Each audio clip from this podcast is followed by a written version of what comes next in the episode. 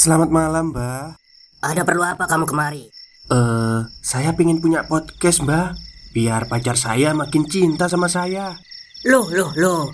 Mau bikin podcast kok tanya dukun? Sekarang kamu download aplikasi Anchor.fm. Di situ kamu bisa buat podcast gratis dan podcast kamu bisa didistribusikan ke platform mana pun. Dan di aplikasi atau website Anchor.fm juga terdapat fitur-fitur yang memudahkan kamu untuk membuat podcast. Oh, gitu ya, Mbak.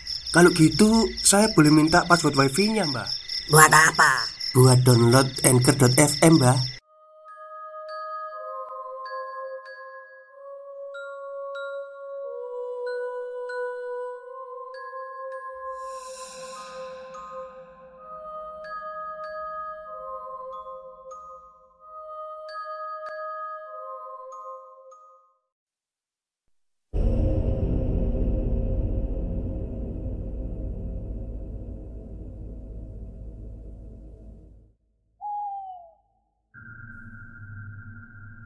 Assalamualaikum warahmatullahi wabarakatuh. Halo semuanya. Jumpa lagi dengan saya Chow Sing Sing Kurator dari podcast Horror Night Story. Oke, apa kabar semuanya? Semoga kalian semua sehat-sehat ya di Senin siang ini. Selamat bekerja kembali. Dan seperti biasanya pada siang hari ini saya akan menemani kalian dengan kisah-kisah horor yang saya bacakan. Dan kisah ini saya datangkan dari Twitter lagi dari tweet horornya Mas Creepylogi yang menceritakan tentang pengalaman yang tak masuk akal yang dialami oleh driver ambulan. Oke, daripada kita berlama-lama, Mari kita simak ceritanya. Apa yang dialami dua pengantar jenazah dalam kisah ini? Sukar untuk dijelaskan. Waluyo 75 tahun. Sepi dalam masa tua. Anak-anaknya sudah mapan dan hidup berjauhan. Istrinya sudah meninggal dan karib kerabat satu persatu tinggal kenangan. Waluyo tak banyak mau. Yang penting bisa hidup tenang dan mati dalam keadaan damai. Namun, yang sederhana pun kadang sukar terwujud. Saat istrinya meninggal beberapa tahun yang lalu, putra-putri Waluyo memberi saran agar ayahnya pindah ke panti jompo. Rumah di kota Bekasi dibiarkan saja. Nanti bisa dipakai untuk lebaran dan tahun baru atau kapan pun saat berkumpul. Ini anak kurang ajar ya. Kok bisa orang tuanya dititipin di panti jompo ini? Oke lanjut. Sayangnya Waluyo tidak mendengarkan saran itu. Bagi Waluyo Jangankan meninggalkan rumah Membuang majalah mode yang biasa dibaca istrinya saja Itu sudah mustahil. Pendek kata, ia tak akan pergi. Biar aku tetap di rumah ini Jangan dibikin ruwet. Toh masih ada Diki. Diki telah membantu keluarga Waluyo bertahun-tahun. Dia direkrut saat istri Waluyo memerlukan orang untuk bantu-bantu usaha. Selepas kematian sang istri, bisnis tersebut dilanjutkan dengan cara bagi hasil. Kepala tiga, namun belum menikah tetapi mau menikah. Itulah Diki. Namun Waluyo selalu punya banyak cara untuk mencegah dia pergi. Satu waktu Waluyo menaikkan bagian untuk si Diki. Di kesempatan lain, ia malah menjanjikan modal usaha. Diki menunggu janji itu hingga pada waktunya ditagi. Akan tetapi Waluyo kembali membuat alasan. Katanya tunggu akhir tahun Sembari mendapatkan pengganti yang cocok. Tidak sulit sebenarnya memahami motif Waluyo. Dia hanya tak ingin sendirian ditinggal sepi.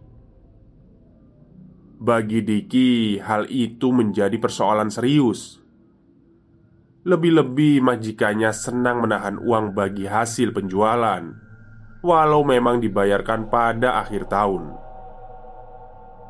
Meski demikian, Diki menunggu bulan demi bulan hingga tutup tahun.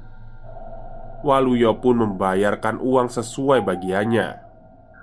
Tetapi ketika Diki siap-siap untuk pamit, sang majikan kembali menahan. Alasannya tunggu sebentar lagi. Penggantinya sudah ada tapi belum bisa datang. Beberapa bulan sesudahnya, rumah Waluyo tiba-tiba sunyi. Beberapa orang yang berkunjung untuk membeli makanan beku agak bertanya-tanya. Baik Waluyo maupun Diki tampaknya pergi. Namun, para pembeli dan tetangga tidak mengira ada apa-apa. Tidak lama kemudian Sugeng Anak lelaki Waluyo datang. Dia cemas. Lantaran ayahnya itu tidak bisa ditelepon. Rumah dalam keadaan terkunci. Sementara lampu-lampu masih menyala. Dibantu warga sekitar Akhirnya pintu rumah dibongkar paksa. Pedalaman rumah itu rapi dan bersih seperti tidak terjadi apa-apa. Sugeng segera memeriksa tiap sisi rumah, tapi dia tidak menemukan ayahnya. Begitu pula dengan Diki. Sugeng mengira Diki membawa pergi sang ayah. Sejumlah orang bersaksi bahwa tiga hari yang lalu Diki masih melayani pembeli Malah siang harinya dia menerima pengiriman stok dari distributor. Sugeng pun membenarkan hal itu. Katanya ia menemukan freezernya penuh. Hari itu Sugeng memutuskan bermalam di rumah sang ayah. Ia juga sudah membuat laporan di kantor polisi. Di samping terus mengumpulkan informasi dari semua pihak Pagi harinya Sugeng kembali menggeledah rumah ayahnya hingga hal-hal terkecil. Berharap dia menemukan sesuatu petunjuk dari situ. Dan akhirnya ia melihat sebuah kejanggalan Dari penemuan sebuah gerinda tanpa mata Di bawah meja dekat kamar mandi. Karuan saja Sugeng langsung membongkar area sekitar situ hingga ia menemukan beberapa helai rambut yang telah memutih menempel di tembok luar kamar mandi, serta tampak pula bercak warna coklat di tembok itu. Firasat buruk langsung menghantui. Lantas Sugeng meminta bantuan salah seorang tetangga untuk membongkar rumah. Satu jam kemudian, Akhirnya terbukti kalau firasat buruk itu benar. Waluyo sudah tewas. Tubuhnya dipotong-potong Menjadi beberapa bagian Dan ditaruh terpisah di bawah tumpukan makanan beku. Aparat kepolisian Dapat mengungkap kasus itu dengan cepat. Diki ditangkap di tempat persembunyiannya yang masih ada di Jawa Barat. Dia mengaku gelap mata karena selain selalu menghalangi pergi, korban juga sering berkata kasar dan membentak. Adapun jasad korban setelah selesai diperiksa guna melengkapi berkas acara pemeriksaan segera dikembalikan agar bisa segera dimakamkan. Dalam hal ini, keluarga korban memilih penyedia jasa ambulans swasta. Husaini pagi itu sedang bersantai sambil memberi pakan ikan di halaman rumahnya. Hingga sebuah panggilan masuk. Ada yang minta jasa ambulan untuk mengantarkan jenazah dari Bekasi menuju Sragen. Dia juga diberitahu semua informasi yang berkaitan dengan jenazah itu. Lelaki itu tak bisa menolak, bukan karena alasan cuan, melainkan karena sebagai penyedia ambulan. Ia memang tidak bisa menolak, apalagi kalau sudah menyangkut jenazah. Katanya wajib, meski uang yang diterima tipis Husaini pun bergegas. Mengingat akhir pekan ia bisa minta ditemani anaknya, Ali Untuk gantian menyetir. Singkat cerita Husaini berangkat berdua siang hari pukul 2 Rencananya mereka akan berjalan beriringan dengan mobil anak-anak korban. Biasanya cerita Husaini Tiap kali membawa jenazah dia selalu merasakan adrenalin yang meluap. Entah mengapa timbul dorongan untuk secepatnya sampai di tempat tujuan. Namun, hari itu berbeda sekali. Dia justru mengemudi dengan tenang.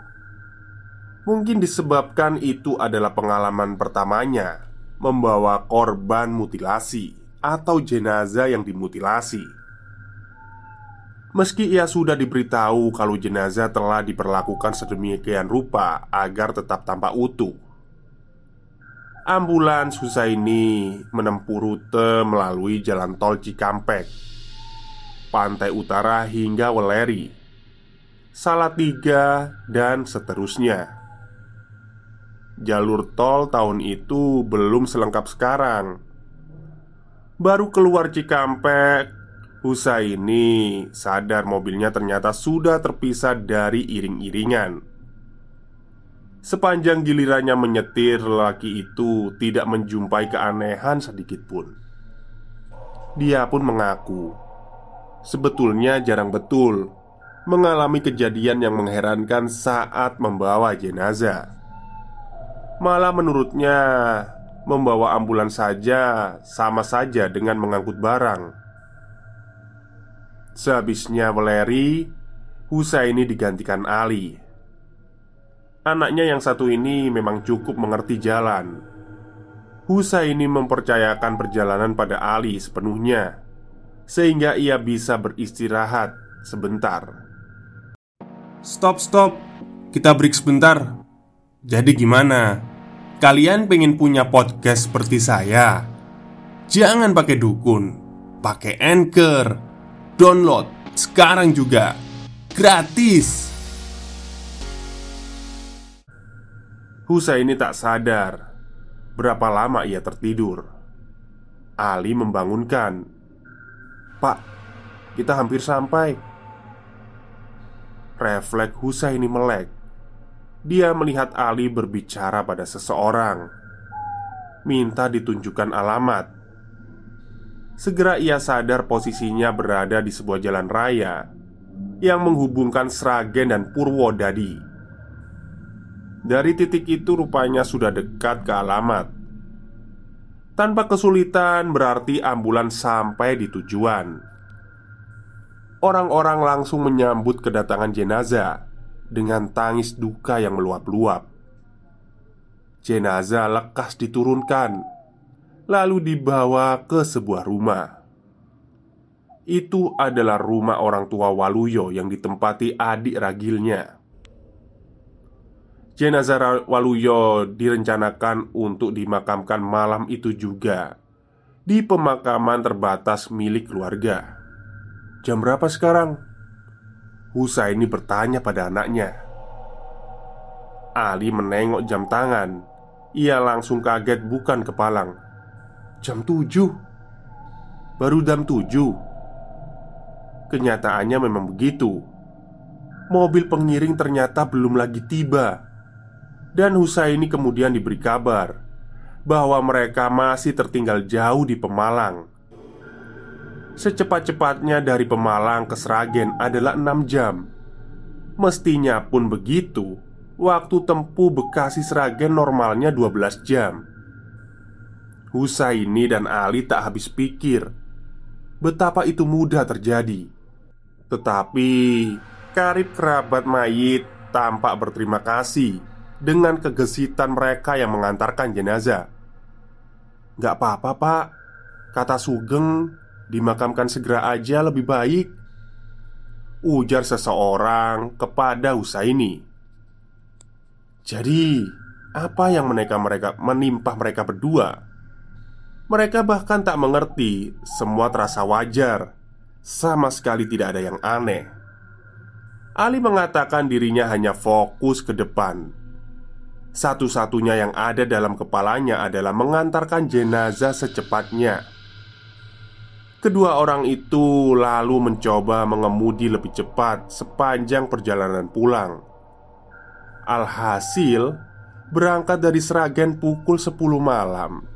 Tibanya di rumah jam 9 pagi. Dulu pernah mobil bapak jadi harum berhari-hari setelah mengantar jenazahnya seseorang.